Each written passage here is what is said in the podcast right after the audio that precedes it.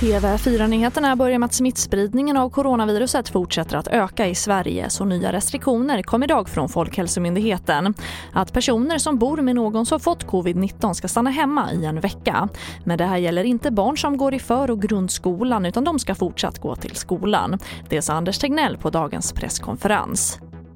Och branden på en skola i Örebro är nu släckt. Branden startade inne på en toalett och tidigare har vi rapporterat om en challenge som delats på sociala medier där det går ut på att man ska tända eld på papperskorgar på skoltoaletter. Eleverna är hemskickade och man ventilerar nu skolan på rök. Och regeringen vill att facken och arbetsgivarna fortsätter förhandla om arbetsrätten, det sa arbetsmarknadsminister Eva Nordmark idag. Förhandlingarna kraschade i natt, men Nordmark vill helst att arbetsrätten förändras genom förhandlingar och når en överenskommelse.